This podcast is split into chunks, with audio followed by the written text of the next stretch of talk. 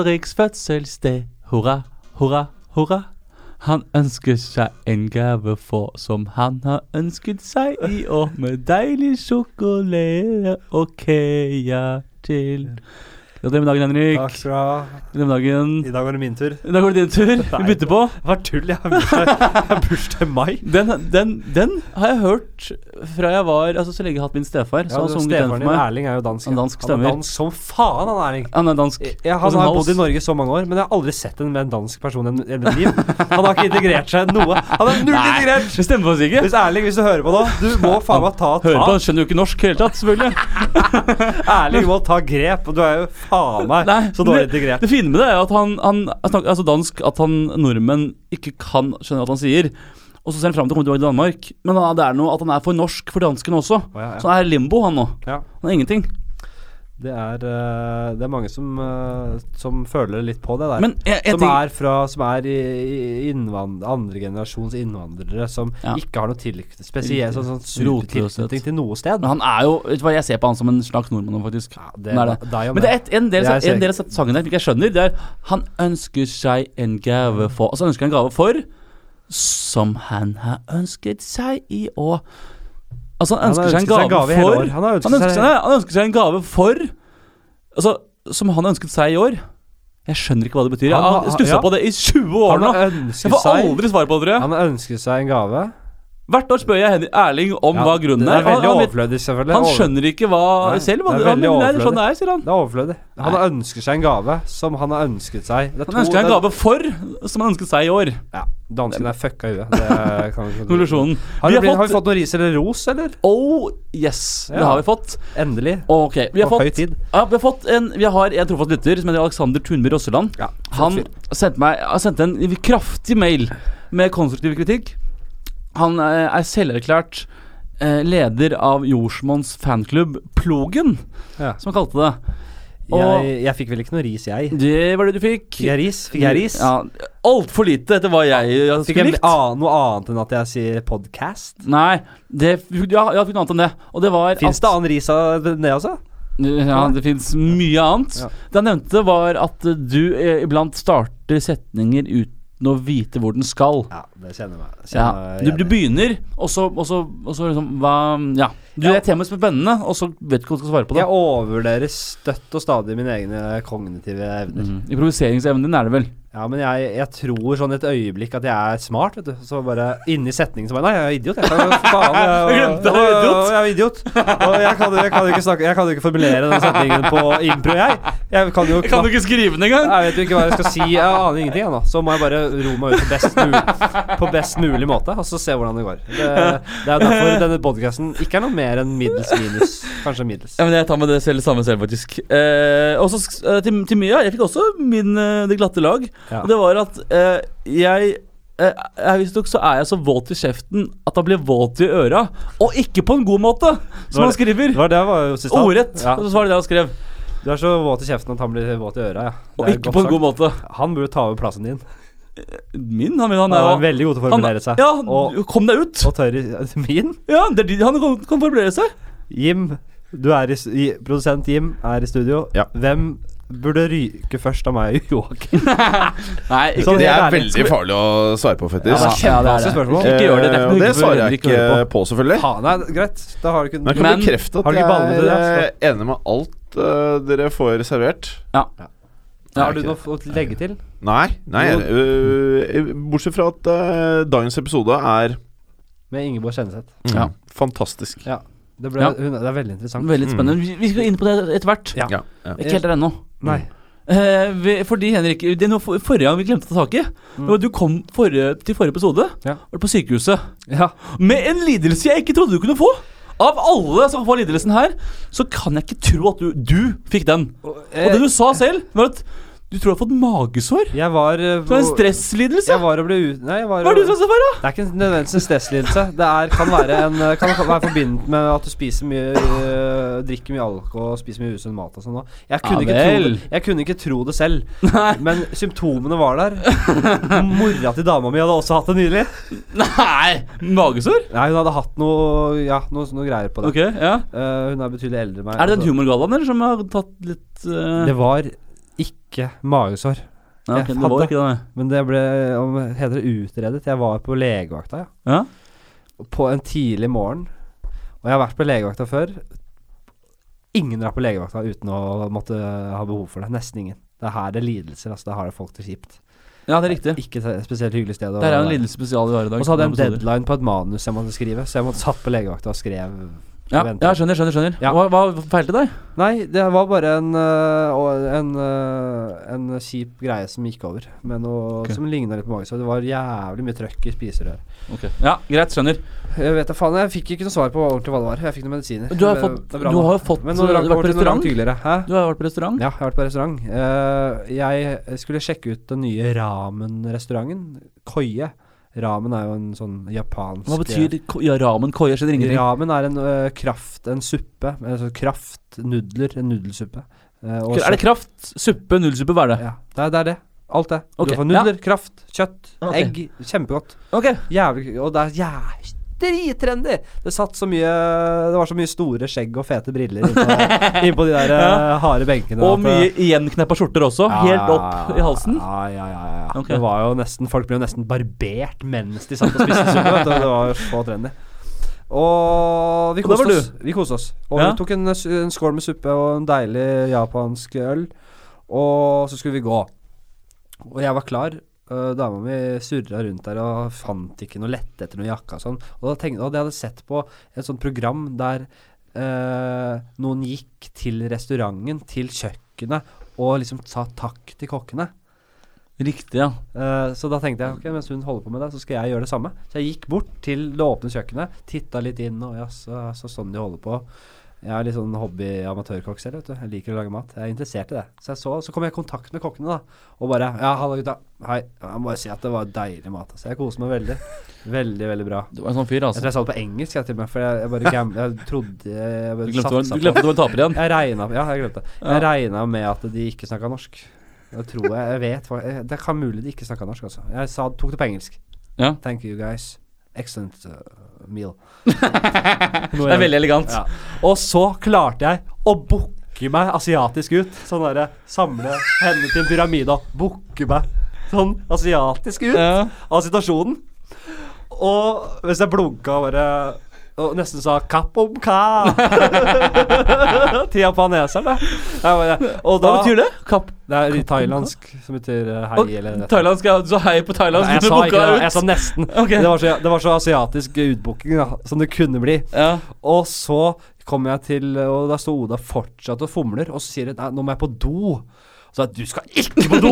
Jeg må ut med en gang! Jeg kan ikke booke meg ut, og så må jeg stå der og henge i fem minutter til og bare Det funker ikke. Det funker ikke i det hele tatt. Nei, jeg mente det jeg sa, altså. Men god avgjørelse du gjorde der, Henrik. Ja, så det var helt uaktuelt. Men jeg, jeg, jeg, jeg angrer ikke nå på at jeg gjorde det. Det var selvfølgelig dritkleint. Hadde jeg sett noen andre gjøre det samme som meg, så hadde jeg tenkt å fy faen, så taper. Og håper han dør. Blir påkjørt rett utenfor døra. Jeg hadde tenkt det. Ja. Jeg hater meg selv, og jeg elsker meg selv. Neste. Det er jo kampen vi alle lever. Neste spørsmål. Jeg skal komme med, eller hva tenker du på? Neste punkt, da, faen. Ja, ok. Hva var det vi skulle snakke om? Ja? Hadde du noe? Det var det, det, var ja, det der, ja, det var det, ja. det var det der Ja. Jeg mener jo at det finnes ikke et optimalt verktøy for å notere ideer og tanker. Skjønner du? Du det, er, det er liksom Det er litt for stress om å ta opp telefonen inn på Evernote eller notater og notere med fingrene. Det tar litt mye tid, Litt, altså. litt for mye stress, Også- ja. også- er det magesår da du får tilbake igjen? får- kan du kan ha magesår, vet du. Ja. Og, og, og, og du kan a, det kan virke asosialt, og det er ikke helt ideelt. da Så da tenker jeg at det optimale verktøyet for dette her, det måtte vært å hatt en sånn liten slags walkietalkie på skulderen, så du bare kan lene haka ned på siden og bare Yes, var på trikken her om dagen. Var i trikk på trikken nettopp. Så en fyr med snurrebart. Hva skrev med snurrebart. Så ut igjen. Den der Donald-lyden var sånn, der, er- sånn av og på walkietalkie. Ja, du, du, du blir jo en agent med en gang du gjør det Du blir en parodi på en par agent, ja. Ja, Hvis du går rundt der med magesår og sånn Ja, frakk det blir ikke noe mindre rart, det, selvfølgelig. Men du må gjøre det med Du må skjule det mer, da. Du må ha Nå overdriver det, da, men det må ta opp lyd såpass bra at du slipper å se ut som en agent som bøyer hodet ned mot skulderen.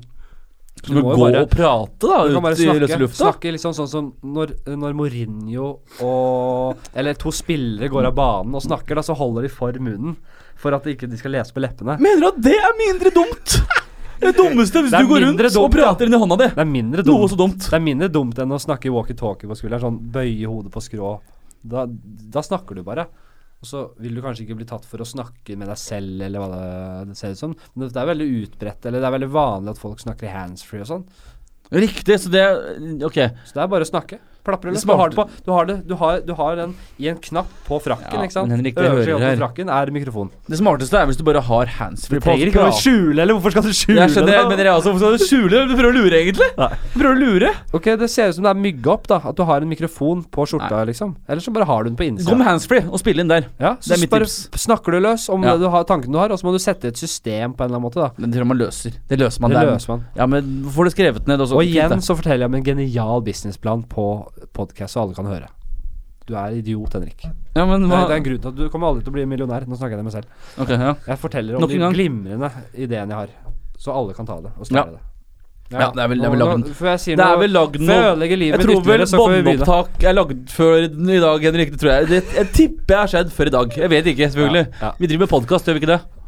Uh, og bortsett fra å snakke dritt og pisspreik, så har vi jo en gjest som vi skal introdusere. Det er det vi har. Og det er eh, Ingeborg Senneset. En uh, ivrig samfunnsdebattant, og Mm. på flere ting. Det vi har tatt tak i her, er, er um, boken hennes 'Anorektisk', hvor hun snakker om, om sin tid uh, som uh, sin, eh, En bok hvor hun har alle utdragene fra dagboken hennes når hun var innlagt på psykiatrisk avdeling. Med spiseforstyrrelser. Med spiseforstyrrelser, riktig. Så det er veldig spennende. Det er jo et tema som vi ikke sant? Må Kunne vi- Ja, men det er så mye myter knyttet til uh, spiseforstyrrelser. Ja. Og uh, psykiske lidelser generelt. Eh, Jo, så er det et vanskelig tema, ikke man sant? tenker, ja, men man vet liksom ikke helt hva som er forskjellen. Bulimi, anoreksi, bla, bla, bla. Noen spyr, noen gjør det ikke. For meg så var det bare et virvar av forskjellige eh, symptomer. Ja. Men jeg klarte ikke helt å plassere de forskjellige eh, diagnosene. Og eh, det varierer så jævlig fra person til person, så det er vanskelig å Mm. liksom finne riktig behandling. Og, eh, så er det altfor lite kunnskap i samfunnet. Eh, rundt dette her. Så det er ikke Det er et stort problem, men et problem vi ikke har eh, fått ordentlig på dagsordenen, da. Riktig. Og så er, det- et tema som hvis det er vanskelig å prate om. Fordi det er hvor skal man legge seg? Hvilken list skal man legge seg på? Skal man legge seg på Super, NRK eh, Dagsnytt 18? eller skal man legge seg på den joviale stilen vi prøver å legge oss på? innimellom? Det gikk jo Ja. var jo drithyggelig samtale. Ja da, det var det absolutt. Men sånn Ingeborg kommer med en brus, ikke sant. Og da har jeg sitter jo, da har jeg lyst til å dra en vits på det. Ja, så nå, nå er du helt frisk eh, aktig vits, ikke sant. Ja. Skjønner du? ja, jeg skjønner. Sånn jovial sånn. Men man vet ikke helt for Ja, Ja, men jeg tror vel Ingeborg. Ingeborg hadde vel helt smilt og ledd av det. ja så selvfølgelig hadde det. Det var kjempehyggelig å snakke med deg. Ja. Eh, Du valgte til, til og med å avbryte den midt i setningen for den brusen. Vil du ha i den selv? Jeg ville ha den selv, ja. Ja. Så det, fikk du også. Dette er godsaker for får eh, Ja, høre om ikke lenge. Vi drypper, hører du det? Vi drypper det. Altså radioteknisk veldig sterkt, det vi driver med Jeg nå. syns vi har gjort det kjempegodt i dag, jeg. Ja. Jeg syns vi begynner å nærme dette med dryppingen. Altså vi drypper om episoden, ikke sant. Spennende folk. Så eh, da vil vi ikke si så mye mer, egentlig. Annet enn kos dere med vår prat med Ingeborg Senneseth. Yes! Da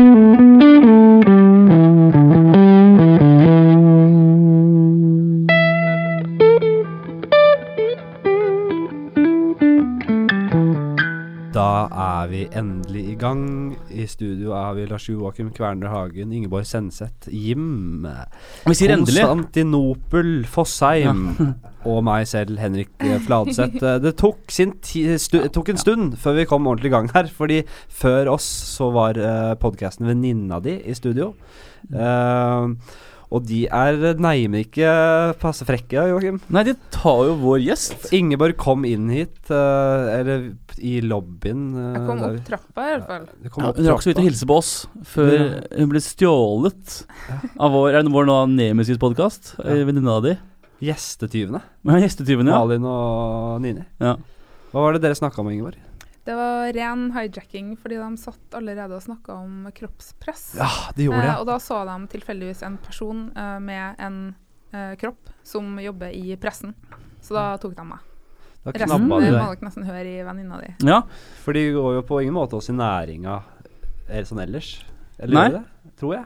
De er jo en jente... Jeg er ikke helt sikker. snakker de om? Jenteting og Eh, De snakker jo om både jente- og gutteting. da. Ja. Eh, Venninna di kan være både jente og gutt. Ja. Nå, nå må ikke vi prate, nå må ikke vi prate om venninna di mer. Bruke mer tid på vi, den podkasten. vi følte oss så dumme der vi satt. Ja, satt. Venneløse, gjesteløse. Ja, Så men nå vi var tapere nok fra før av. Ja. jeg følte meg som skikkelig sviker, da. For det var sånn jeg skulle egentlig komme og møte dere, og så så jeg noen andre, ja. og så stakk jeg bare. Og jeg må bare si at det er ikke sånn jeg pleier å gjøre det her i livet, liksom. Hadde et veldig godt inntrykk av deg før dette, denne episoden. Jo, ikke sant. Ja. Ok. Ja, Joakim. Ehm, har du noe ehm, Føler du på noe kroppspress? Hvordan er ditt forhold til Jeg mat? tror vel alle i det vestlige samfunnet føler på noen form for kroppspress. Det tror jeg. Nesten alle. Det er noen som gir helt faen. Det er noen, det er riktig. Det er noen grillkonger der ute som bare Jeg driter i det, altså, Som er Ja, helt lugn på det. Som ikke har latt det Som ikke har bitt på den eh, det press, det presskroken. Ja. Men de fleste har vel en uh, grad av uh, Føler på kroppspress til en viss grad. Men hvordan vet du at de ikke føler på det? Det er det jeg sa. Altså, det, kan hende at de tenker altså hvis jeg blir uh, skranten og, og, og slank, så vil jo folk tenke at jeg ikke spiser mine egne pølser engang. ikke sant? ja, riktig, Men- ja. men- ja. Ja, jeg, jeg, jeg, som sagt, jeg sa jeg ikke tilsynelatende. Tilsynelatende, ok. Det er vel en og annen der ute som faktisk oppriktig mener det også, som bare Ja. virkelig ikke kunne brydd Men seg. man kan ikke vite sikkert. Nei, nei. Men jeg vil tro at det er en og annen der ute ja, som bare gir helt faen. Jeg vet ikke, men hva tenker du? Har du noe, føler du på det?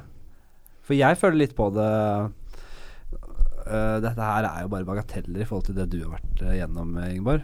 Men likevel så vil jeg bare nevne at jeg tror mange føler på at det sitter litt igjen, f.eks. Fra, fra barndommen. da Man har kanskje blitt mobba litt for har hatt, Jeg ble litt mobba for uh, dobbelttak og litt sånne ting. Og selv om jeg nå føler at jeg gir veldig faen i det, så er det, kommer det sånne stikk innimellom. Det er bare noen reflekser som er der, da. Det tror jeg på en måte Jeg også var jo, jeg også var jo eh, det man anså som tjukk når jeg var yngre. Du var, tjue- Ja, du var det. Ja, når jeg var 13-14 år. Mm. Eh, og det, var- det, det var jo tema, det. Mm. Det ble jo tema blant eh, de, mine klassekamerater. Ja. Og så husker jeg det var faktisk en sånn skjebnesvanger episode på Askimbadet da jeg var 12-13 år. Eh, jeg, husker, jeg husker det veldig tydelig. Jeg står, har vært på Askimbadet og kost meg med sklier og den burger og pommes frites og den delen der. Og så skal jeg etterpå dusje. Så står jeg helt naken. Og så husker jeg at jeg, jeg ser ned, og så tenker jeg Dette er ikke bærekraftig. Og sånn begynte det. Det er ikke bærevar. Så tenkte du de tankene. Hvor gammel var du da? Jeg er ikke helt sikker på om det var ordrett for det jeg tenkte. Men Dette er ikke bærekraftig. Nei, men i alle fall var det det, det var vendepunktet. Ja. Sånn, dette her må vi gjøre noe med. Ja. Fordi du følte på det. Ja. Uh, kompenserer Du trener veldig mye nå. Kompenserer du for det du følte den gang? Det er ikke utenkelig i det hele tatt. Ok, det her uh, Ja, det er i hvert fall Jeg tror ikke vi kommer blir så kloke på det her. Men øh, Eller i hvert fall ikke akkurat nå. Vi skal videre. Du, øh, Ingeborg. Du Hei. er jo Du jobber jo som journalist. Mhm. Og vi prøver å ha en viss journalistisk tilnærming eh, i denne podkasten. men vi er jo ama vi er amatører på det. Vi er amatører på det meste. Derfor får vi inn uh, gjester som kan lære oss litt om ting vi lurer på. Og du har jo skrevet en bok Mhm. som heter Anorektisk. Mm. Jeg tenkte Vi kan jo snakke med deg om masse forskjellige temaer som er veldig spennende. For du har mye å fare med. Men vi tar tak i den boka. Har vi den boka her? Den har vi ute. Bør begynne å hente den. Ja, hent den, for jeg liker det. Det er jo når vi først har den her. Skal vi begynne? Ja. Ja. Um, Jeg er litt spent på hva du syns om boka. da. ja, Eh, jeg Det er alltid interessant å høre, spesielt når det er noen som ikke har fagbakgrunn eller ikke har sykdomsbakgrunn osv. For at mm, den boka er jo ehm, Den handler om de tre årene Mm. uh, der jeg var innlagt i psykiatrien Mm. uh, for eh, svært alvorlig anoreksi. mm, Uh, I tillegg så har jeg jo da vært syk siden jeg var helt liten. Sånn at det blir jo nesten litt sånn Ikke til forkleinelse, for det, man skal alltid ta på alvor når folk kjenner på kroppspress osv. Ja. Uh, men det blir jo en ganske sånn absurd sammenligning for meg med en ting som er ganske naturlig og ganske vanlig, at alle kjenner litt på sånne ting, og en del tar en konsekvens og f.eks. begynner å trene osv. Ja. Men det er ikke sammenlignbart med, med psykisk sykdom som gjør at du så vidt overlever. Ja. Uh, man må passe seg for å blande de der to sammen, Ja. selv om de på en måte ikke er helt adskilt. Og det er veldig bra du sier det på den måten. Vi tenkte, vi snakket litt om, om vi skulle bare komme inn på det, med oss og vårt eget forhold til mat og kroppspress. Ja. Om de, jeg vet ikke om du har følt på kroppspress, det, om det er grunnen til at du ble syk, eller hva. Det skal vi komme inn på senere. Men det, Og nå nikker jeg. Jeg glemmer at jeg er på lyd og ikke på bilde her, men jeg vi, ja. vi det, er, det er ikke sammenlignbart i det hele tatt, nei. Jeg er helt enig i det. Eh, eller er, sammenlignbart er det jo. Er det ikke Ja, det? men du kan si at um, da, For å dra den linja, da, uh, når det gjelder akkurat meg uh, En ting som er veldig viktig å si, det er at min historie er jo en anekdote. Det er jo ikke, det, det er ikke noe annet enn eh, superenkel forskning på ett menneske. Mm. Uh, og man må alltid dra inn statistikk. Man må alltid dra inn at det her er ulikt for ulike mennesker. Eh, og jeg prøver alltid å være nøye på å si at dette er ett enkelt eksempel. Ja. Og når det gjelder spiseforstyrrelser generelt, så er jeg et ganske dårlig eksempel. Ja. Fordi at de aller, aller fleste med spiseforstyrrelser, eh, de er normalvektige eller overvektige. Eh, knappe 10 er undervektige. Og de aller færreste av dem igjen er undervektige over lengre tid. Ja. Og det er relativt tilfeldig at det ble akkurat det til meg. Mm. Eh, og det gjør ikke at jeg på en måte var en flinkere spiseforstyrra. Det er en sånn misforstått, uh, merkelig oppfatning der at uh, f.eks. en med overspising er en mislykka spiseforstyrra osv. Eh, det er mer skam knytta til andre lidelser enn anoreksi.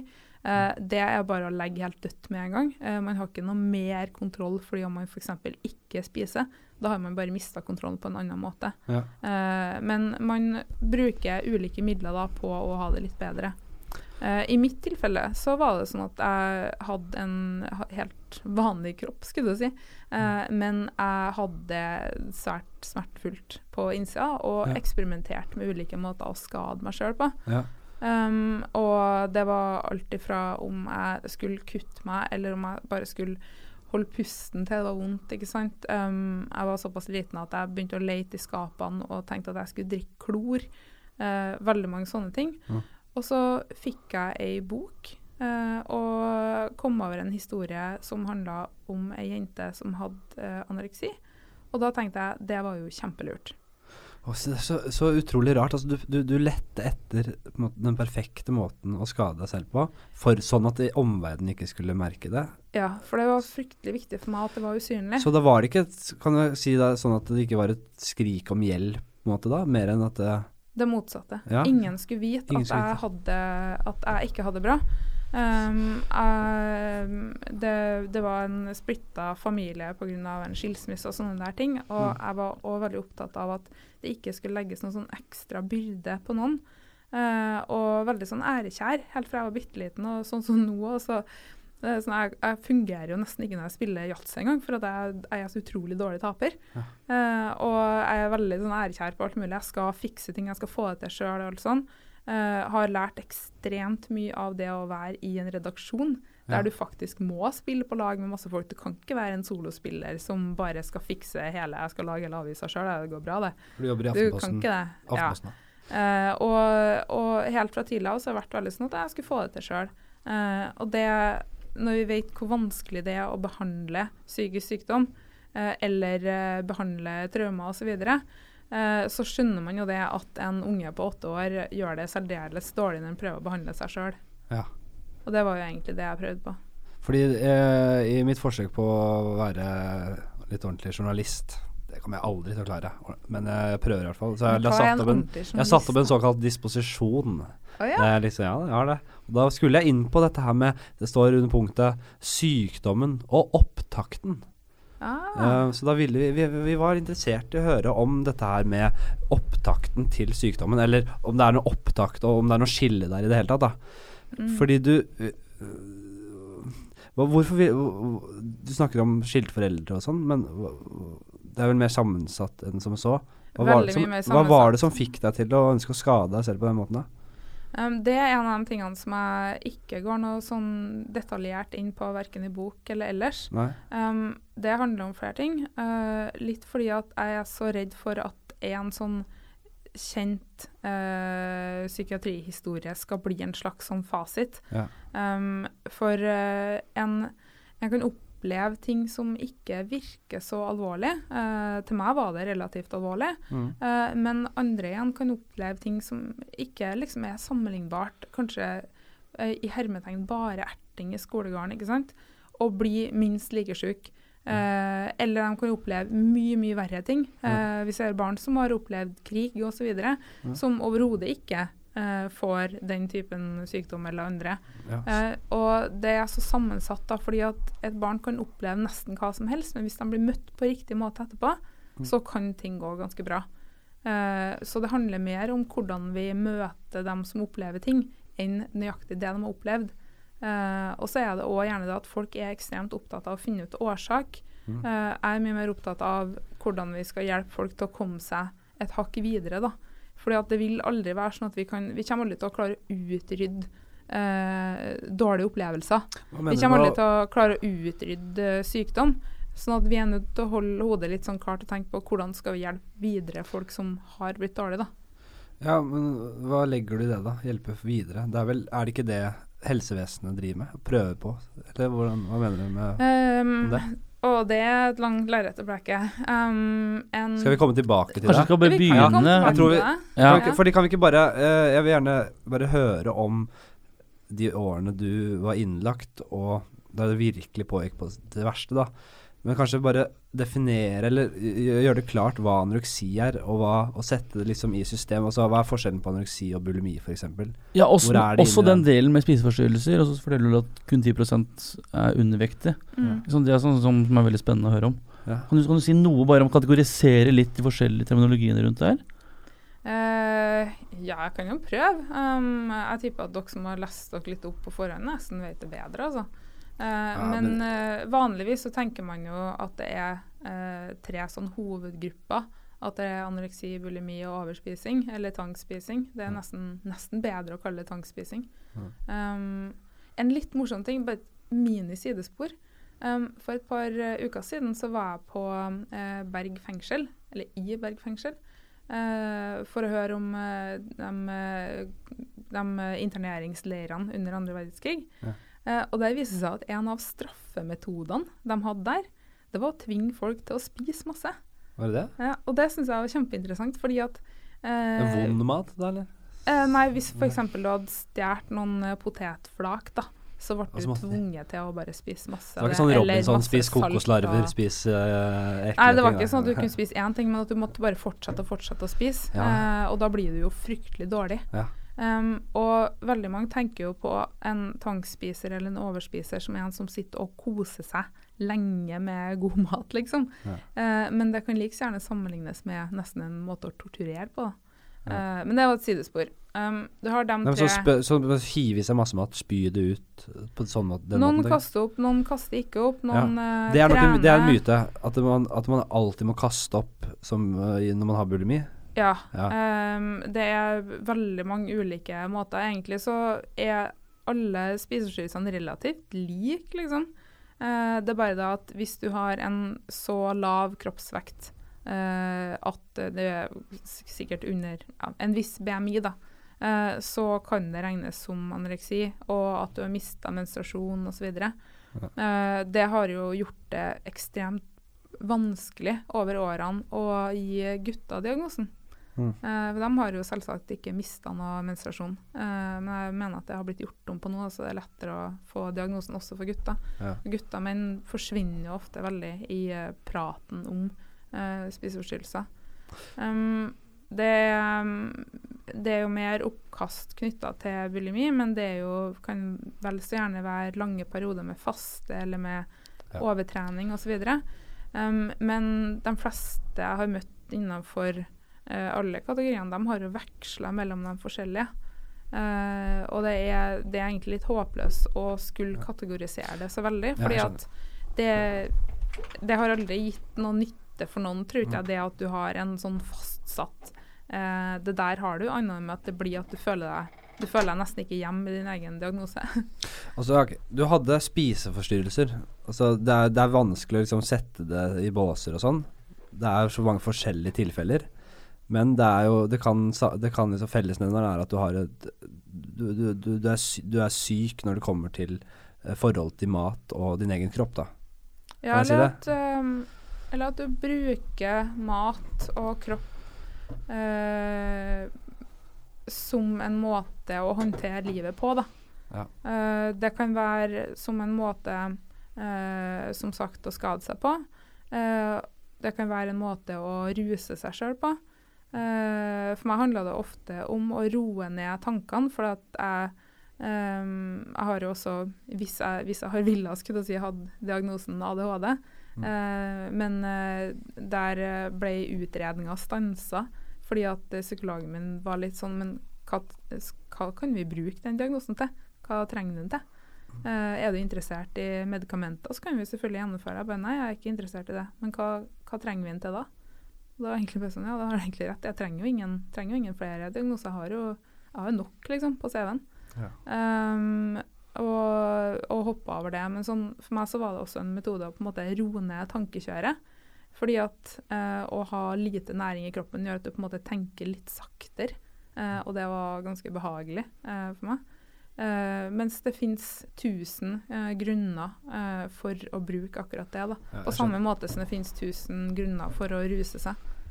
Jeg skjønner. Kan, kan, men kan vi gå litt inn på ditt tilfelle, da? Hva var det som Du ble jo på et tidspunkt, eh, om ikke tvangsinnlagt, så lagt inn, eller du Det var frivillig, eller?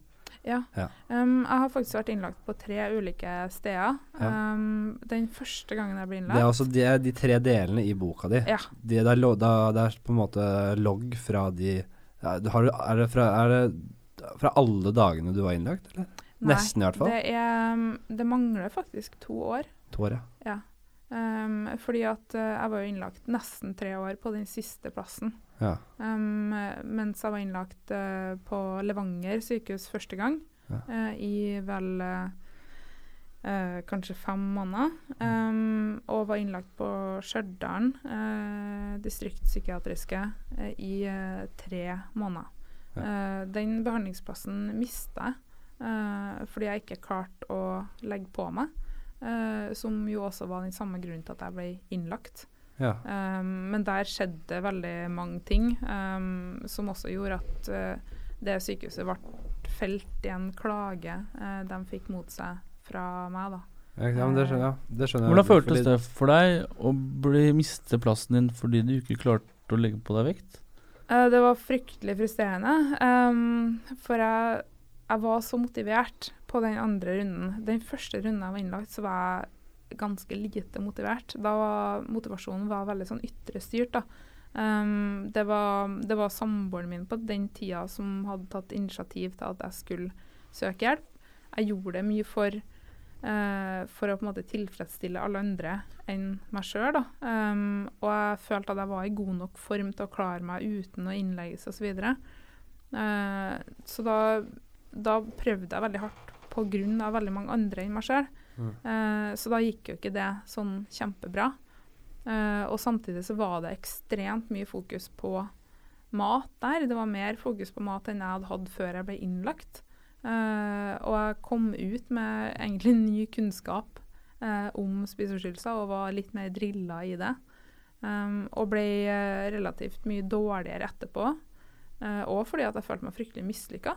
Mm. Uh, I tillegg så hadde jeg tatt et pauseår da, eh, fra sykepleien som jeg da gikk. Jeg er utdannet sykepleier eh, i dag, da, men eh, det å ta en pause fra studiene og ikke få til det heller Og da ble det sånn OK, jeg fikk ikke til livet mitt, jeg fikk ikke til sykdommen min, jeg fikk ikke til å bli frisk, jeg fikk ikke til studiene mine. Jeg følte meg som en giganttaper etter det oppholdet. Eh, og det gjorde jo til at jeg da grep mer til sykdom, egentlig. da. Ja. Så på runde nummer to, da var jeg ekstremt motivert igjen. For da hadde jeg skjønt at OK, nå, eh, nå dør jeg faktisk eh, hvis jeg ikke blir bedre. Eh, for jeg fikk så overhodet ikke å, å få i meg næring. Det, det gikk ganske rake veien nedover. Um, jeg hadde en fantastisk fastlege som fulgte meg veldig tett. Um, og han gikk med på at, uh, at jeg skulle få lov til å gjøre ferdig studiene. Eh, fordi um, jeg sa til henne at hvis jeg ikke får til den eksamen her nå, så har jeg ingen grunn til å prøve å bli friskere. For da, da, da er det bare en taper igjen her, da. Da, da er det ikke verdt å satse på den personen her. og så gjorde vi sånne gode avtaler eh, fra gang til gang, så jeg var hyppig inn hos han osv. Så, uh, så han var kjempebetydningsfull for meg. da. Um, og da når jeg da ble innlagt på det grunnlaget av at jeg ville bli bedre, og at jeg var motivert, og um, jeg slutta jo uh, den 21. juni 2009. Uh, det var siste gangen jeg stakk fingrene i halsen for å kaste opp. Uh, og jeg slutta med det helt på egen hånd før jeg ble innlagt, uh, for å på en måte bevise hvor mye jeg ville. Ja. og det opplevde jeg at folk ikke trodde på. og OCD-en min, for jeg har sånn for sikkerhets skyld eh, skikkelig tvangslidelse. Eh, den ble ikke tatt på alvor. Um, den ble tvert imot uh, utfordra på sånne helt håpløse må måter. Sånn, plutselig en søndag så fant de på at jeg ikke fikk lov til å vaske fingrene på, på kjøkkenet osv. Det var sånn helt absurd måte å eh, i hermetegn behandle OCD på, eh, som ingen fagfolk noen gang hadde kommet så godt god for. Eh, og når jeg da feila i den behandlinga som jeg virkelig, virkelig ønska, eh, så ble jeg fryktelig skuffa og mista veldig trua. Men så etter, det her var et mislykket eh, behandlingssenter? Eller et Det var behandling? mislykka for meg. Ja, for, Eh, det de- de finnes gjorde- eksempler på folk som har syntes at det har vært bra, eh, Ja, ja, ja. men det er også mye Ja. kritikk mot så spesialiserte. fordi at når det blir en Mm. ansamling folk som er opptatt av bare mat, så blir det litt som at du skal Hvis du sier at mat har blitt språket ditt, da, eh, og du trenger å lære deg et helt annet språk, Ja. så blir det litt som å skulle lære seg russisk og dra på språkreise til Brasil.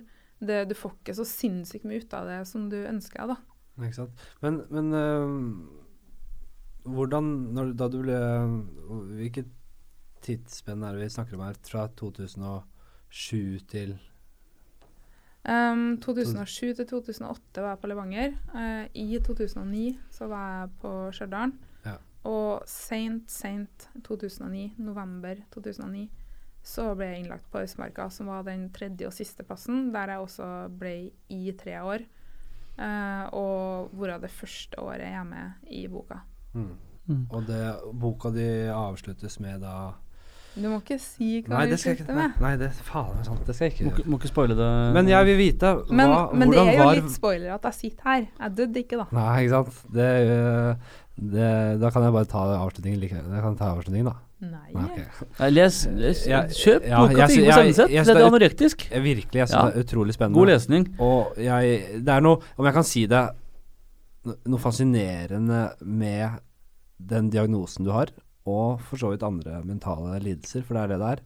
Det er i hvert fall virker for meg som at du er Du har en slags tredje bevissthet eller en stemme inni deg som kontrollerer deg, som der du er fanget på en måte inni disse tvangstankene, inni spiseforstyrrelsen, da. Hvordan er det, hvordan var hverdagen din når du var tvangsinnlagt? Hvordan var det å måtte, eh, måtte spise, ikke få trene så mye som du gjerne ville, prøve å bli frisk? Det, det er åpenbart, var ikke, åpenbart ikke noe særlig, noe særlig ut fra det jeg har lest. Da. Men hvordan føles det for deg? Hvordan var, hvordan var det å sitte rundt middagsbordet med de andre innlagte? Eh, jeg var ikke tvangsinnlagt, da. Nei, Eh, det- Men eh, det hadde jeg jo blitt om jeg ikke hadde Ja. gjort det frivillig. Så man kunne spørre seg hva som er frivillig og ikke, da. Men det avhenger litt av hvor hen jeg var hen. Ja. Em, det var jo veldig likt på de to første plassene. Eh, da var det typisk at et måltid starta nøyaktig f.eks. klokka tolv. Eh, det starta på en hel time. Uh, og da hadde du en viss mengde mat du måtte igjennom, da. Um, og den var alltid ferdig etter nøyaktig eh, 30 minutter. Mm, du hadde visst tid på deg til å fullføre. Ja, og da måtte alle forlate kjøkkenet når vi var ferdig. Ja.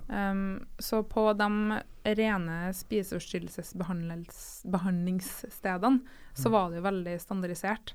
Uh, det var det også på Østmarka, men på Østmarka så var det mange forskjellige diagnoser samla.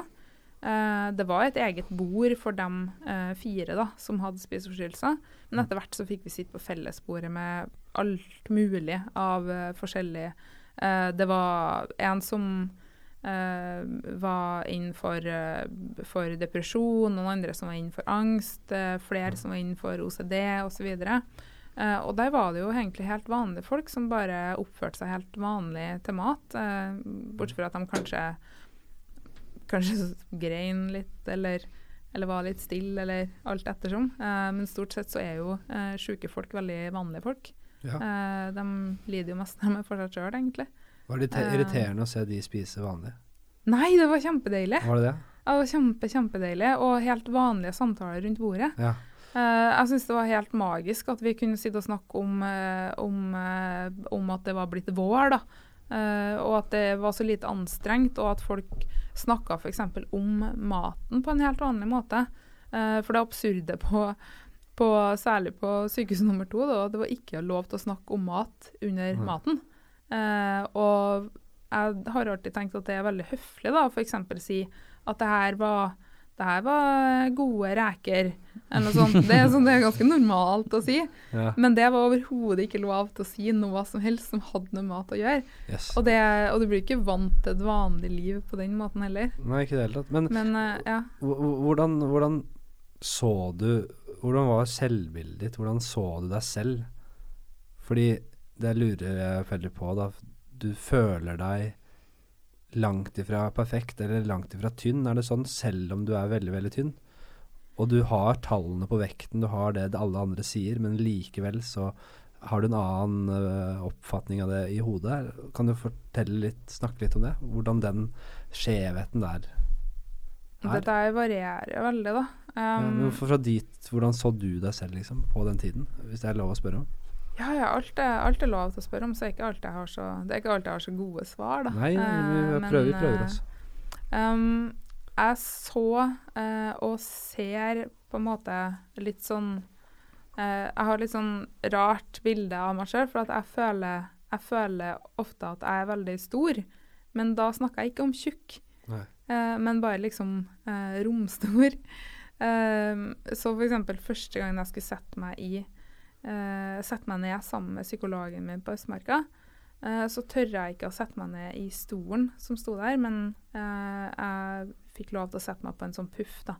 Fordi at det var armlener på stolen, og jeg hadde da en så følelse av at jeg var så stor at hvis jeg satte meg ned i den stolen, så kom jeg til å bli sittende fast. Men, ja, nettopp det er det jeg mener. Det, men jeg var, det var jo ikke som at jeg ikke visste at jeg hadde veldig få kilo å gå på. Eh, Ja. Og jeg følte ikke at jeg liksom var tjukk. Eh, så var ikke det at jeg følte at det var mye eh, å ta i, eller noe sånt. Men jeg følte liksom at selve ramma mi, eh, selve kroppen, da var stor. Så, men så det er et helt irrasjonelt eh, Ja, det, det, det Helt totalt irrasjonelt Men, eh, bilde av deg selv. Og, men visste du samtidig at dette her ikke henger på greip, eller? Ja, ja. Det, altså, fordi om man er gal, så er man ikke dum. Nei, ikke? Eh, man vet at ting ikke er uh, som det skal være, men man har en sånn merkelig uh, oppfatning av at man kanskje er et lite unntak. da.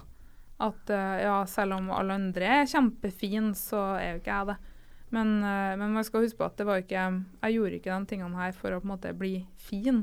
På barneskolen så, så, så syntes jeg jo at jeg var helt grei, liksom. Eh, og på ungdomsskolen så tror jeg at jeg var relativt fin. Det var i hvert fall det man fikk høre. Mm. Eh, så jeg ble jo bare styggere i takt med at jeg ble sykere. Ja. Eh, men det var på en måte bare en kostnad jeg var villig til å ta, da.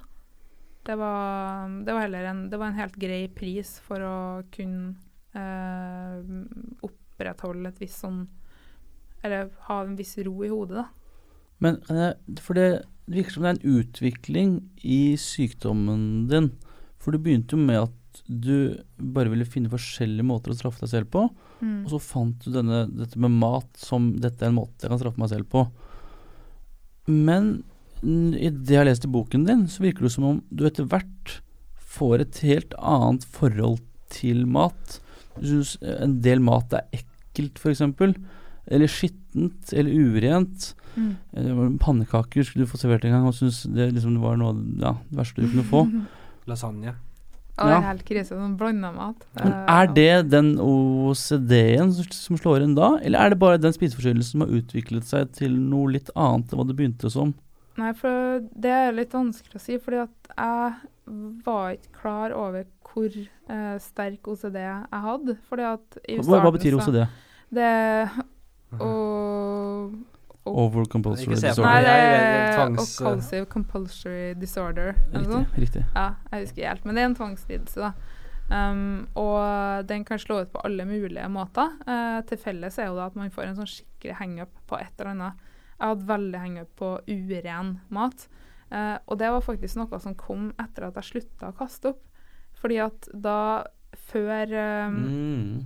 eller mens jeg kasta opp, så kunne jeg jo løse det på den måten. Hvis noe føltes veldig ureint, eh, så kunne jeg bare, eller i hermetegn bare, eh, kvitte meg med det. Mens når noe skulle på en måte forbli i kroppen min, så ble det helt krise at noe var ureint. Um, og på den måten så er det litt vanskelig å si om det på en måte var der fra før, eller om det ble mer av det. Um, men det har alltid vært sånn at når jeg har fiksa eh, spiseforstyrrelsen bedre, så får jeg det verre på andre måter. Men sånn uh, Det er ganske typisk, da, at det går litt sånn opp og ned. Men det var jo en Jeg hadde jo mye utvikling, og det er det som er det eneste som egentlig gjør boka interessant. For det er jo ikke interessant i seg sjøl uh, å få snikkikk på livet til noen som er sjuk, men det er interessant å se at en som er sjuk, utvikler seg mye jo mer de lærer, og jo mer de henter inn av motivasjon, og også jo mer motstand som kommer, da, som kan slå på en måte begge veier. Um, for det som er til felles også med eh, de tre sykehusoppholdene, det er det at det var veldig mange hjelpere eh, som gjorde ordentlig bra ting, og som jeg kan tenke på den dag i dag. sånn Eh, det er ikke mange dager siden jeg plutselig kom på ene nattevakta. Fordi at vi hadde snakka så mye om Syria før Syriakrigen. Eh, og han var en sånn som, eh, som alltid slapp meg ut sånn på helt absurde tidspunkter på natta for å røyke og sånn. Eh, og unnskyldte meg at jeg, hadde bare lyst på en røyk sjøl. Men det var jo egentlig strengt eh, forbudt å gjøre det. Eh, jeg håper ikke at jeg out Han har satser på at ingen hører på det her. Men sånn han, Det er ingen som hører på det, ikke være for det. det er Nei, kun ingen- moren og faren vår som hører på, så det går helt fint. Han kommer til å hevne seg og er det sånn, han- avsløre slutten på boka. Men sånn, han brøt et par regler, for han så at det var, det var fint for meg. da. Jeg gikk jo og la meg igjen etterpå, istedenfor da å peise rundt på gulvet mitt i fem timer. Uh, og, og han var sånn som jeg bare kom på, for det var snakk om Syria. Så bare husker jeg på at herlighet. Det var han som var den første som sa til meg at det var så kompliserte etniske motsetninger i Syria. Eh, og, det var, og det var en sånn en sykepleier som var innom og jobba litt av og til. Um, og det var masse sånne eksempler på utrolig bra folk. Eh, og så har du de enkelteksemplene eh, på folk som overhodet ikke burde ha med pasienter å gjøre. Eh, noen av dem har heller ikke det i dag, bl.a. den som ble klaga på. Eh, så vidt jeg vet, det kan jeg at den er tilbake nå. Um, men en del folk som bare virkelig burde holde seg langt unna å jobbe med pasienter. Og så har vi også et system som er svært problematisk lagt opp. da. Så det er sånne ting som gjør det interessant, og det er sånne ting som gjør at um, han som anmeldte den for Adressa, uh, han kalte det et uh, håndslag til dem som kjemper mot innsparingskåte byråkrater. Og det er jo den fineste setningen på Ja, jord. jeg må nesten bryte den setningen ned. Kan du si den en gang til? At det er et håndslag. Boka er, eller boka er en hjelp da, Boka er det. til dem som kjemper mot lite, lite, lite. Okay. innsparingskåte byråkrater. Eh, Og det er altså dem som sitter på toppen. Altså, det, er ikke, det er ikke helsefolk som styrer helsevesenet, det er økonomer som styrer Det høres, det høres fryktelig konspiratorisk ut. Ja, men, Men, det eh, sånn er det. Ja. Sånn er det. Altså, vi har en pengesekk, og den må fordeles. Mm. Um, og når vi har lagt opp helsevesenet sånn at uh, du måler suksess ut ifra f.eks. antall pasienter du behandler, så blir pasienter som meg, som bruker ekstremt lang tid, en skikkelig dårlig deal. Mm. Og da er det mye bedre å f.eks. ta folk inn og ut og inn og ut. Og så ser vi noen ganger konsekvensene av det, um, der folk ender som svingdørspasienter. Og istedenfor, sånn som meg, da, som ble eh, Du kan si at de tre årene de var jævlig dyr. Eh, tusen hjertelig takk til alle som betalte skatt. Eh, og heldigvis kan jeg betale noe tilbake. Eh, men det er fordi at det var en investering som eh, var ganske heavy over tre år. Eh, men nå har jeg jo da ikke hatt en eneste sykedag på x antall år og jobbe og betale min skatt osv. Og, så og i løpet av noen år får jeg forhåpentligvis betalt det tilbake. Mens andre, da, som går inn og ut og inn og ut, kanskje i ti år Jeg har eksempler på folk som har vært innlagt over 100 ganger. Det er et absurd tall. Uh, de uh, kanskje vil aldri komme tilbake i, i uh, vanlig arbeidsliv. Kanskje bare være der en stund og gå ut igjen. Så det er helt meningsløst for alle parter å holde på på den måten her. Det er ut, fullstendig, ja. fullstendig meningsløst. Eh, for noen så fungerer det kanskje, eh, men man, man forstår jo at det blir sånn flikking på overflaten da, istedenfor å renovere personen skikkelig. Ja, men, men hva, hva, hva kan man gjøre, da? Både i helsevesenet og uh, forebyggende arbeid. Altså, hva er det som Hvorfor er spiseforstyrrelser så utbredt, da? Kan vi ta det først? Um, vi vet jo egentlig ikke hvor utbredt det er, faktisk. Um, vi får jo um, mer og mer Og en, bare kan kjapt før Ja. vi begynner, for du hadde en sånn Halloween-urge. Brus her. Som Ja. du tilbød meg Ja. en liten Har du drukket opp alt? Selvfølgelig. Jeg- Nei, ja, du lovte det Du lovte oss det. jeg kunne Takk, smake på Henrik. Jeg turte ikke spørre, jeg. Nei, nei, du gjorde det. Dere tør ikke å spørre. jeg, fikk så fryktelig Jeg tilbød i dere, siden dere hadde kopper og ikke skal drikke flasker Halloween urge. eh, Vi er ikke eldre enn det, Henrik. Eller Ingeborg for så vidt også. Skål. Men det, skål, skål. Skål, det.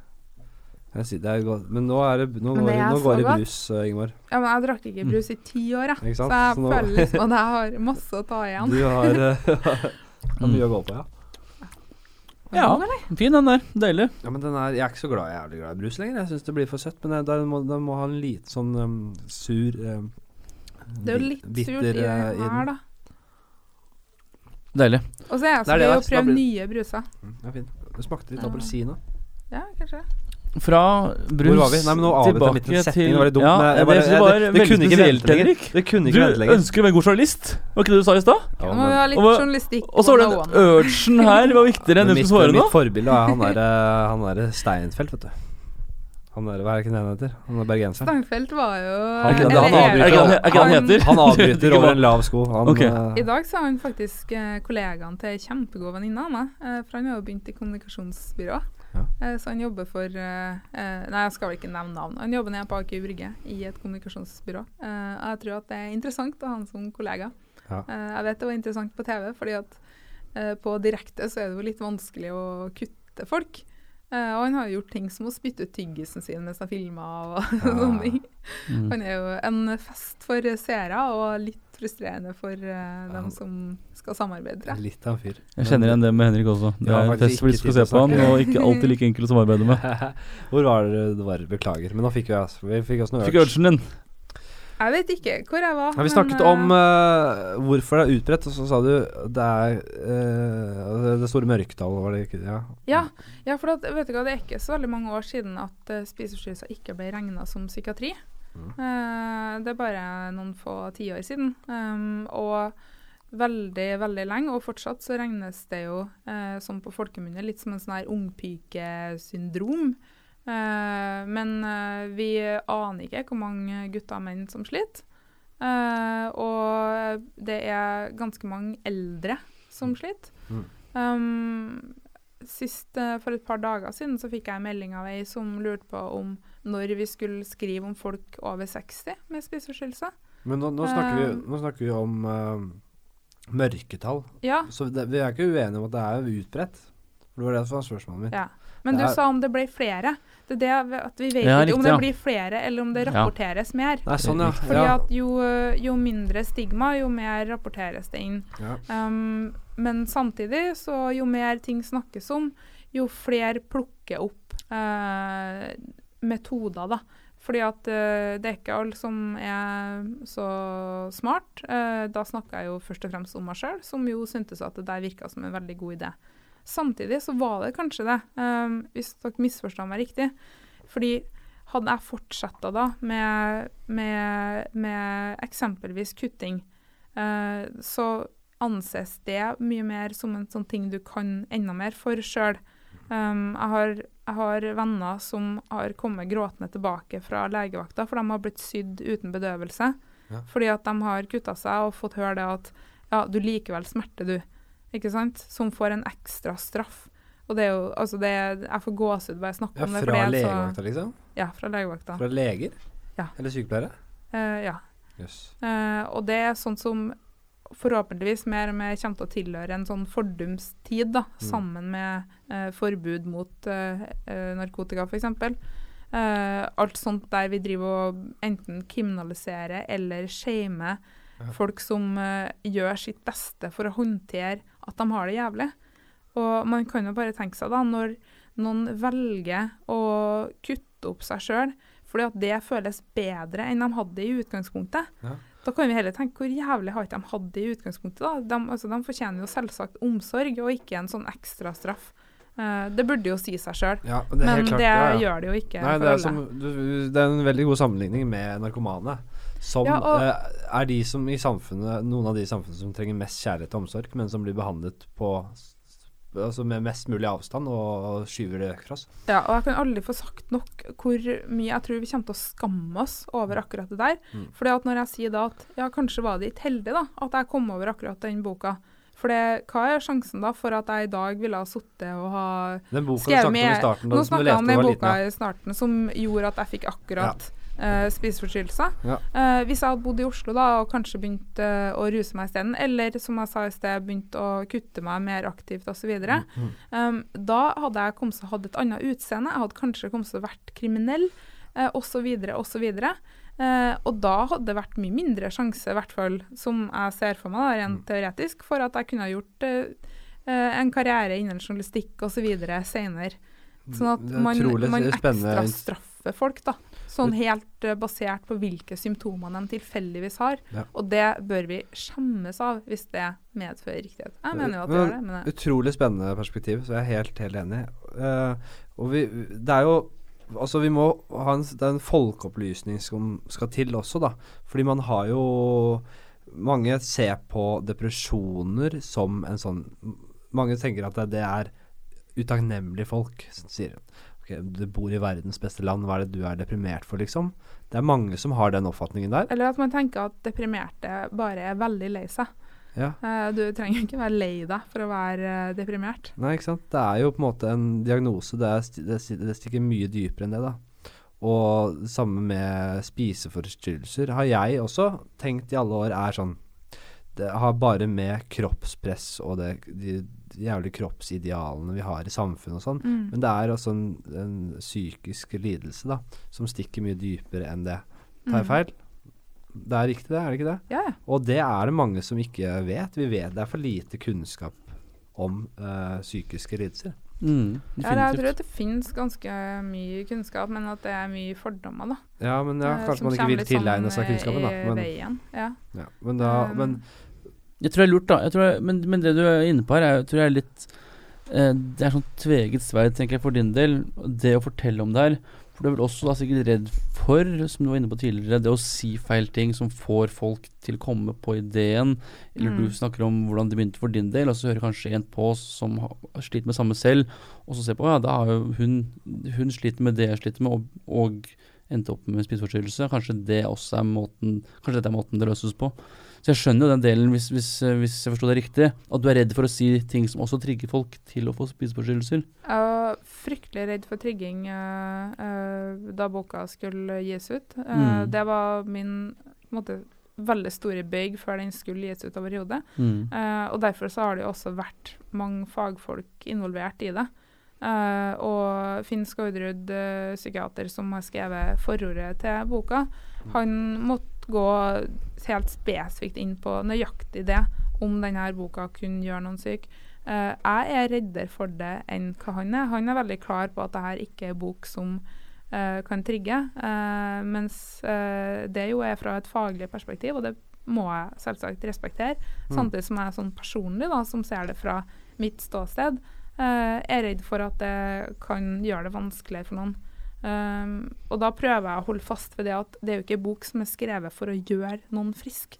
Det er ikke en bok som er, det er ikke en selvhjelpsbok, det er jo det aller siste den er. Mm. Uh, men det er en bok som kan hjelpe uh, pårørende til å forstå mer. Uh, dem som aldri har vært berørt av det, til å forstå mer. Ja, sånn som meg og Joakim. Jeg visste jo veldig lite før jeg leste den? Ja, for meg var det veldig spennende Og, lesning. og for eh, økonomer som har tenkt å vurdere hvordan de vil legge opp eh, fremtidige budsjetter.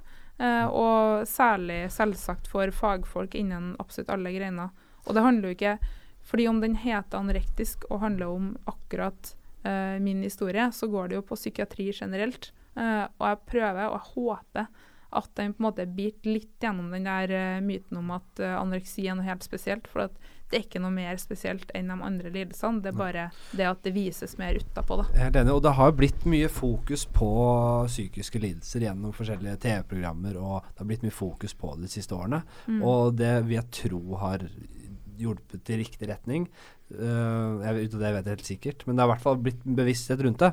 På samme måte som det har blitt uh, mye mer bevissthet rundt narkomanes liv og kamp uh, gjennom forskjellige TV-programmer. Først og fremst, vil jeg si, for den allmenne oppfatningen, eller allmenne bevisstheten rundt det. Med Petter uteligger, med Det har vært mye i, uh, i snakk om det i forbindelse med valgkampen òg. Mm. Uh, og Sturle Haugesgjerd og er mye ute og snakker om ruspolitikk og hvor feilslått den er. Mm. Så, og det er jo noe av det, litt av det samme. Da. Det er mennesker som Du sier du kunne fort blitt narkoman. Det er ikke, det er ikke selve do, Det er ikke dop i seg selv som er kriminelt og farlig og feil, men det er menneskene som kommer til det skritt da, og begynner å bruke det, eller begynner å skade seg selv. Det er, der, det er liksom litt av to sider av samme sak. da. Men føler dere at det blir for mye om det? Uh, jeg tenker jo noen ganger det at, uh, at jeg må Her var den siste gangen jeg snakka om det, fordi at jeg er så redd for at folk skal på en måte bli lei av å høre om det. Men så kommer den telefonen en dag etterpå da, der det bare er sånn Å, vi er nødt til å høre mer om det.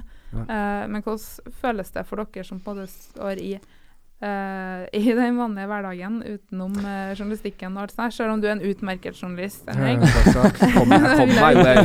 Veldig pent, bra, veldig fint der, Men hvordan føler dere at det er for mye snakk om det? For at jeg, har litt sånn, ja. jeg har litt sånn kvaler for at det skal bli for mye, da. Jeg er Jeg syns det er utrolig eh, viktig å snakke masse om det. Det eneste jeg kan eh, trekke eh, ta det på, er at jeg syns det blir litt Teller litt mye over til litt sånn sosialpornografi Mm. eh, i visse tilfeller. Litt Mm. eh, Jeg vet ikke, jeg ser på ungdommene som er med i Jeg mot meg og sånn, og tenker Har alle godt av å være med på det her, og bli eksponert på den måten her? Og at vi skaper den kulturen for å gå på TV og snakke om Og bli på en måte litt sånn reality-kjendiser uten at det egentlig var det man prøvde på. Skjønner du hva jeg mener? Det ble Ja. litt for mye i den gata der. Og da tenker jeg mer på de som er med på det. De som er deltakere. Og at man lager en litt sånn derre eh, reality-kultur rundt det, som jeg mener kan være litt skadelig. Ja, der er jo et NRK-program som eh, Så jeg har ikke sånn innsikt i hvordan de har jobba redaksjonelt med det, men jeg kjenner programleder eh, Peder Kjøs, eh, og jeg vet at det har vært noe de har gått veldig grundig inn i, og Ja. vært uh, opptatt av at det ikke skal på en måte fremstilles som en sånn her kul ting, og det skal ikke være en lansering av uh, enkeltpersonene som kjendiser. Ehm, og jeg håper at de lykkes med det, da. Min største bekymring, som jeg også har eh, skrevet en del om, det er det at når åpenhet handler så mye om på en måte de lidelsene som er sånn relativt innafor, uh, så f.eks. spiseforstyrrelser, um, etter hvert rus, Um, depresjon, angst, sosial angst, Mm. eh, OCD. eh, TV3 hadde jo en eh, serie fra det sykehuset jeg var innlagt på med OCD. Den tror jeg ligger på nettsidene til Viaplay ennå. Den er ganske morsom. Um, og når vi snakker mye om de tingene, uh, så blir det jo et fokus på det. Uh, og du klarer ikke å ha fokus to plasser samtidig. Uh, sånn er det bare. Det, øya er laga sånn, eller sinn er laga sånn. Og da havner noe i skyggen. Og jeg er redd for at det er dem som da ikke eh, er så veldig forsidevennlige, da. Eh, du er ikke spesielt forsidevennlig hvis du er den dama som stinker urin på trikken. Eh, eller han som sitter og roper litt i gangene. Eh, og du er ikke spesielt forsidevennlig hvis du har de mer tyngste lidelsene som også er veldig vanskelig å, å behandle. Da. Ja. Og jeg, jeg er redd for at ved å på en måte uh, sette masse lys på. uh, veldig fortjenstvennlig hver for seg rundt åpenhet på de tingene som er litt sånn innafor, så glemmer vi de tyngste en del. Um, og Adrian Lorentzson, som er um, tidligere leder av men Ung Mental Helse, uh, kommunikasjonsrådgiver der nå, uh, han uh, har vært bekymra for at vi ofte snakker om ting etterpå, eh, og ikke der og da. Uh, vi snakker sjelden om liksom, dem som er på vei inn i noe, men vi snakker ofte om dem det har gått bra med. Ja. At du liksom Kravet for åpenhet er at du skal ha jeg tror han kalte det å, å ha oppstått som en sånn fugl føniks. ja, det Da var en solskinnshistorie, si- ja. liksom. Ja. Og det er sånn, Jeg prøver også å si at min historie er ikke en solskinnshistorie. Og jeg er bevisst på å aldri snakke om at jeg er frisk i dag. For jeg er jo ikke frisk, men jeg gjør masse friske ting, og jeg fungerer bra. Og det er ikke viktig heller å kategorisere det ene eller andre der. fordi at um, jeg er opptatt av at folk skal få lov til å prøve seg i arbeidslivet, f.eks. Selv om de ikke er friske. Uh, for at det er ingenting som eh, tilsier at du ikke kan gjøre en god jobb. Men det er veldig mye som tilsier at du blir syke hvis du ikke får begynt å jobbe litt. Mm. Uh, så sånne ting. Så jeg er litt sånn delt, da, om vi på en måte gjør det rette. Og samtidig så er jeg en del av det åpenhetsgreiene. Sånn Men det ja. du snakker om, er jo et generelt problem eh, mediene har, da. At man skal Ja. ha Eller ikke bare det er ikke, man, kan, Jo, jo, man kan ikke det- bare gi skylden til journalistene og, og, og avisene. Og det, det her er jo en samfunn, et samfunnsproblem, fordi vi er de som klikker. Vi er de som klikker på solskinnshistoriene. Vi er de som klikker på eh, terror i Paris i stedet for terror i eh, Sudan. Mogadishu, for eksempel. Ja. Så det her er jo noe vi må ta tak i alle sammen. Ja, og der, Og- det er en sånn det er Og et men er det, bare, er det, Ja. bare, det er lett for meg å si, men jeg tror, tror du det noen ganger kommer til å skje? Vil Altså, vi ha noe det, du, det er en viss dreining, særlig når du ser uh, Nå blir det jo det blir jo lett for meg å skryte av mitt mediehus, da, for jeg syns jo det er verdens beste. Eh, men uh, f.eks. vi som har gått helt bort ifra å måle suksess etter klikk. Eh, vi måler det jo etter om det er god journalistikk, viktig journalistikk, Ja. og at folk abonnerer fordi at de føler at de er en del av det. Uh, det som er litt morsomt å se på det, er jo det at uh, god journalistikk som faktisk betyr noe, det gir klikk. Det er ikke sånn at folk eh, eller lesere ut der er brødhaug som bare vil ha det enkle, eh, kjente osv. Ja, det spiller inn en del, og på mest delt-lista så er det som regel eh, kaffekopp knakk i to, gjett hva larven som datt ut sa da. Uh, OK, kanskje ikke akkurat det, men, uh, men de enkle tingene er sånn som alle trenger litt sånne pauser, da. Men vi ser at folk sitter og leser lenge, og folk tegner seg som abonnenter når det er gode, solide ting som har samfunnsbetydning. Så altså, jeg har, jeg har fått veldig trua på lesere òg. At det er mye smarte, kule folk som er opptatt av å holde seg oppdatert, også med eh, Mogadishu, da, og ikke bare Ja. i hermetegn Paris. Joakim er trofast abonnent, er det ikke det? Er det det? Å, så hyggelig. Ja, det var dumt Henrik at du sa det. Jeg er ikke trofast abonnent, dessverre. Nei, men du, Men jeg er en trofast leser, det. Jeg leser jo dessverre veldig mye drittnyheter, Ja. Ja. og det, og det, det, Min formidler av drittnyheter er Henrik. Jeg prøver ikke å lese det, og så får jeg høre om det. Er Gjerne her på Jordsmonn skal fortelle om de drittnyhetene. ja, men jeg er standup-komiker, så jeg må Ja, snakke Henrik, ja. om Det er veldig lett, ja. lett å lage vitser på dårlige, tullete nyheter. Sånn Ja. Anchorman-nyheter. Ja, Ja. men, så, men altså, de, eh, Nå kjenner jeg en del i ditt miljø, og det er noen av de mest oppdaterte menneskene jeg kjenner. Altså, Mm. Dere leser jo nesten mer nyheter enn vi som jobber med nyheter. Ja, vi leser mye. For det, mye. dere er jo sjanseløse da, hvis dere ikke er oppdatert på det folk har fått med seg. Eh, Ja, det er noe med det. Da må det være bredt anlagt. da. Det er noe, og det er også noe man merker, da, at, øh, at øh, det er van mye vanskeligere å lage humor, altså drive med standup i dag, fordi folk har ikke de samme referansene. Nei. Eh, som, det var Ja, det var veldig spennende å snakke om det der. Det var kjempespennende. Ja. Fordi da, jeg, kan, jeg kan referere hva vi snakket om. Ja. Uh, vi har snakket om at Før så var det mange færre referanser i samfunnet. Mm. Det var ikke så spredt på informasjonssiden. Mm. Sånn at det var på en måte noen, noen nyheter som alle hadde hørt om. Ja, så nå er det klart når, når øh, Søviknes uh, røyk på en smell for noen år siden, så visste samtlige i Norge om det. Ja. Hvis uh, uh, Weinstein, Weinstein ble tatt for overgrepsgreier og sånn, så, og det var en overskrift over noen, over noen dager på det, så var det noe alle visste om. Mm. Ikke bare noen. Nå er det sånn ja, 50-50. Og man har fått med seg eh, sånn semi-store nyheter. Da. Mm. Men, men litt tilbake til uh, Vi må egentlig vi, vi, vi, vi har satt det vi, Først så holdt vi på Ja. så lenge vi ville, men vi har egentlig satt det sånn derre 45 minutter. jeg prøver å komme inn på det nå, Henrik. Ikke vær redd. Ikke vær redd, Henrik. Jeg prøver å komme inn på det nå. Og det er uh, For du nevnte å bli lei av å snakke om det? Nei da, Nei, overhodet ikke. Og Lov husk selv. på hvordan jeg er anlagt. Jeg tar alltid ting i verste mening. Nei, nei, men da, ikke da Lars Joakim ringte meg, Nei, eh, så ringte han og sa at du vil ha en podkast der vi alltid snakker med noen som er ekspert på en ting. Og men. Og så da han sa men, Ja. så hadde jeg allerede laga i hodet mitt et sånn ferdig svar. Han sa men du er egentlig ikke ekspert du kan på ingenting. noen ting. Du kan ingenting. Og jeg bare sånn Å herlighet, skal de spørre om jeg kan hente kaffe, eller sånn? Og så fortsetter han med Men du er jo ekspert på flere ting. Ja. Og da var det sånn jeg bare Kødder du med meg? Er hodet mitt fortsatt så skrudd sammen at jeg tar alt lenge før folk har sagt ting i verste For, mening? for en berg-og-dal-bane av følelser det måtte være. Det, er Fra kaffehenting til, eh, altså. Ja, Det ja. var hyggelig også, for så vidt. Vi, vi, vi, vi har uh, Jeg tenkt tok å ha bare med brus som jeg delte på tre. Ja, det var veldig hyggelig. Men ehm, ja. Nei, på ingen måte. Du, du tar det som et kompliment. Det fordi vi har gått et kvarter over tiden. Pro- vi har satt sånn Ja. 45 minutters grense fordi vi bare er nødt til å få Folk orker ikke å høre på podkaster lenge, vet du. Det er ikke bare derfor. Folk gidder ikke å lese lange bøker. Okay, folk gidder ikke men å høre. Henrik, Henrik, Henrik, Henrik, nå bruker vi tid vi ikke har på å prate om tiden vi ikke har. Men er det noen spørsmål som, som dere brenner inn med? Det er det jeg gjør. Bra. Ja. Det er det, jeg, jeg, jeg gjør ofte det når vi sitter her med Hen- Henrik også. Vi brenner ikke noe spørsmål i det hele tatt. Du må huske på sånn som til legen, Ja. så bør man jo alltid skrive ned de tre viktigste tingene.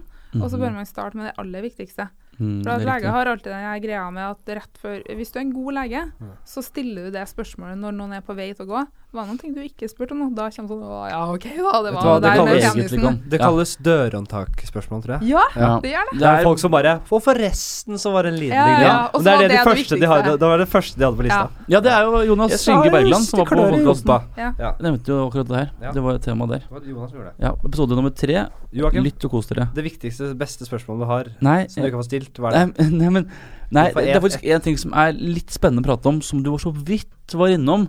Og det var at du, du sa at du ikke Du er ikke helt frisk enda. Mm. Og det er eh, Fordi eh, Uten sammenligning for øvrig, men en, eh, men, men alkoholikere eh, sier jo at du er alkoholiker hele livet selv om du ikke drikker mer. Eh, og, og sant, det, er, det er mye mer vanlig lidelse man hører om enn det anoreksi er før nå i nyere tid. Er det litt samme der at man, man hele tiden er en kamp med dette med mat, eller, eller har man Får man et tilnærmet vanlig forhold etter hvert? Uh, jeg vet at det er folk som uh, har blitt helt friske. Uh, igjen så finner jeg veldig nøye på å si at det, folk kan bli helt friske. Eh, sånn at man må aldri liksom miste den trua på at det går helt fint an. For egen del så, så bruker jeg lite tid på å tenke på det, for da blir jeg egentlig ganske lei meg. Uh, fordi at jeg skulle Jeg får til så mange ting, men akkurat det får jeg liksom ikke helt til. Uh, og da istedenfor å liksom disse meg sjøl konstant på det òg, da, uh, så kan jeg heller la det litt gå, og, da, og lage meg gode strategier da, for hvordan jeg får til å holde vekta osv. Um, for eksempel så har jeg, jeg har niste med meg hver dag, sånn at jeg har sikra at i hvert fall på jobb så følger jeg opp ting skikkelig. Eh, og så er jeg utrolig god til å gå på restaurant. For det er av uh, helt sånn Det er sånn Altså, OCD får stryk i, uh, i konsekvens, da. Fordi at hvis jeg er på restaurant, da ser jeg ikke at maten blir laga. og da går det helt fint å spise den. Uh, samtidig så vet jeg jo at folk er mye mindre hygienisk der enn hjem til noen osv. Men hvis jeg er hjem til noen, da er jeg kjempestressa, for da på en måte teoretisk kan jeg gå og sjekke hvordan de lager maten. Og det sånn, det gir, det gir ingen mening, men sånn er det nå bare. Og det er sånn, jeg har gitt eller sånn, Jeg orker ikke å bruke for mye tid på det. Jeg bare passer på at jeg har det sånn rimelig bra. Og hvis jeg går på en smell, som jeg jo da gjør titt ofte, så eh, lar jeg heller det bare gå litt, da. eh, og gir meg selv litt mer slekke. Um, for eh, hvis man blir for streng, så tror jeg at man fort sitter fast, da. Eh, så jeg er mest opptatt av at jeg gjør alle de tingene jeg skal gjøre, eh, og, og prøve å kule den litt. Um, noen ganger så må jeg ta litt sånn drastiske grep. Sånn jeg, jeg slutta på treningssenter fordi at jeg ikke fiksa det helt. Eh, det ble bare altfor masse. Eh, og begynte på yoga istedenfor, som jo da er sånn breathe. Men det er ganske mye styrke, heldigvis, da. Eh, men, Du liker ikke den pustedelen av det? eh, Jeg syns det er så kjedelig. Men Og det er kjedelig. Og så blir jeg så utrolig provosert når også de kan finne på å si ting eh, Jeg er veldig glad i yogasenteret mitt, de er superproff, men noen ting må de slutte med. De må slutte å si ting sånn at å stå på hodet gir deg bedre immunforsvar. For da, jeg, Ja, det jeg, står, ja. jeg står på hodet, og jeg har lyst til å rekke opp hånda og si at det der kan jeg ikke si. Mm. Det er veldig Det gøy. En forkjemper for rasjonalitet på yoga og Ja, det, det Det er Feil moro. person, feil sted. Det kan vi tipse tips på. Det er faktisk, hvis du ikke har prøvd det, er uh, Bikram yoga. Eller Hot Mojo, som det heter på Sats. Ja, det, det er veldig gøy. Det var jeg på en del, men jeg fòrer på alle de andre tingene også. Riktig. Det er bare fordi da får Eh, du så- utløp for den. For jeg er enig at yoga blir litt roligste laget, også for min del. Men du får den ekstra, ekstra påkjenningen av Ja, men det spørs hva du er på, altså. På okay. det senteret mitt er nede i, eh, på Løkka, så har de mange ulike timer. Der er det jo noen som er mer rom og sånn enn andre. Uh, men jeg, har, jeg prøver bare å tenke at det her, jeg har godt av å også jeg sitter i fem minutter uten å, uten å både ha på iPaden og radioen og podkast og TV som jeg kan finne på å ha på, Mm. Ja. uh, eh, mens jeg leser bok. Det tror jeg er veldig vanlig i dagens samfunn. Så det, Ja, du, treng, du er trenger egentlig ikke det. Uh, det er fint å ta noen pauser. mm, definitivt. Um, så det veldig lange svaret på det gode spørsmålet er uh, at det går an å funke helt fint bare man gjør nok friske ting. Da trenger man Mm. ikke å ha en ferdig kategori å plassere seg sjøl i. Helt enig. Veldig bra. Mm. Jeg har en god del spørsmål som jeg ikke har fått stilt, men det Jeg skal ikke begynne å velge og vrake av de gode, knallgode spørsmålene. Ja, det er for, for, en- for en enkel påstand å si. avslutte- Noe så enkelt å si. Jeg skal avslutte med ti gode spørsmål. Jeg har utrolig gode svar, men jeg, bare, jeg har ikke tid til å ta dem. Jeg skal avslutte med en spalte, slags spalte vi av og til har, um, som vi har kalt for Topp tre. Vi mangler bedre ord. Men vi kan uh, Om ikke tre, så ett eller to, eller kanskje tre Fordeler ved sysselskillelse. Nei, nei, nei. Det er ikke det vi skal spørre om. Nei. Ikke tenk det verste nå, Ingeborg. Topp tre, én eller to eller tre. Tips til eh, andre mennesker som måtte slite med noe av det samme som deg. Um, For å komme seg ut av Men, eh, tenker du på dem som er syke i dag? Du kan svare på det som du vil selv. Nei, egentlig ikke. Jeg mener de som okay. er syke i dag, ja. De Ja. som vil komme ut av det, eller få en bedre hverdag. Og Ja. komme på bedringsveien. Um, Sånn, ja. Altså, topp én er vel kanskje det å finne en motivasjon hos deg sjøl, da. Ja. Uh, for det er fryktelig vanskelig å bli bedre. Det er ekstremt krevende, både, både økonomisk, men fysisk og psykisk, og en kjempepåkjenning for omgivelsene dine. Fordi at for mange så har en sykdom også vært en fordel. Kanskje oppfører deg f.eks. bedre, du er rolig, du er, du er litt snillere når du er syk Ja. osv. Eh, og du må være innstilt på at de rundt deg kommer til å eh, kanskje synes at du forandrer deg til nesten det verre på noen vis. da. Ja. Men at du må bare gi litt faen i det og gjøre det for din egen del. da. Um, og finne en motivasjon som, eh, som ikke har med andre å gjøre, men som går på litt sånn ditt perspektiv på livet. da. Hva du har lyst til å gjøre. Jeg vil oppnå dette livet, derfor skal jeg Ja, Bli frisk, Ja, ikke på liksom. den egomåten, men fordi at du faktisk da kan ut og være et litt mer eh, givende menneske, da.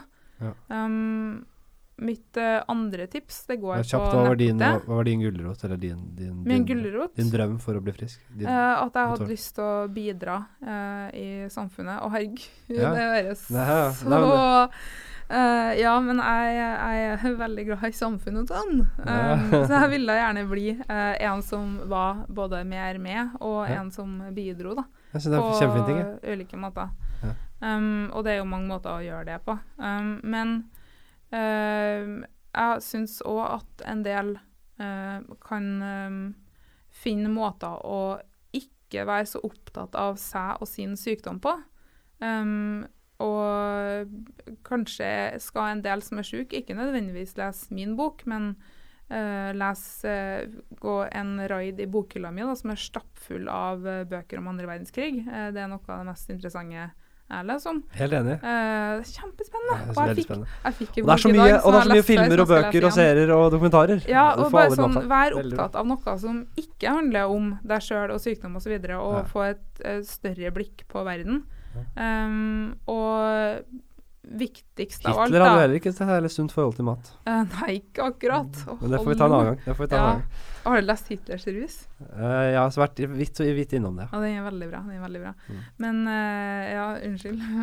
um, men kanskje det aller viktigste rådet det er da at du må finne deg gode allierte. Ja. Um, jeg hadde aldri klart noe som helst hvis jeg ikke hadde møtt en behandler som så meg som et menneske, og som var opptatt av å bygge et menneske, og som ikke så bare en haug med bein og symptomer som det var bare om å gjøre å enten bare få skufla vekk eller gjøre på en måte best mulig ut av. Uh, han, han prøvde ikke å fòre meg opp, men han prøvde å uh, motivere meg til å, uh, til å finne ut hvem jeg var. Og det var ekstremt viktig. Mm. Samtidig som noen faktisk måtte fòre meg opp. da. Ikke sant. Ingeborg, du er en bra og smart, og jeg håper du kommer innom en annen gang for å uh, prate om noe annet. Et annet tema. Så Sier hyggelig. Takk. En åpen invitasjon. Du, gjerne. Vi kan snakke om journalistikk, f.eks. Ja, kunne kan lære, Jan, du ikke lære det et trenger- og annet til Henrik. var, det, var det fornærmelse eller en invitasjon? Nei, det var for at på jeg har lyst til å komme og lære av deg. Å ja, er det det? Ja, ja, Så hyggelig.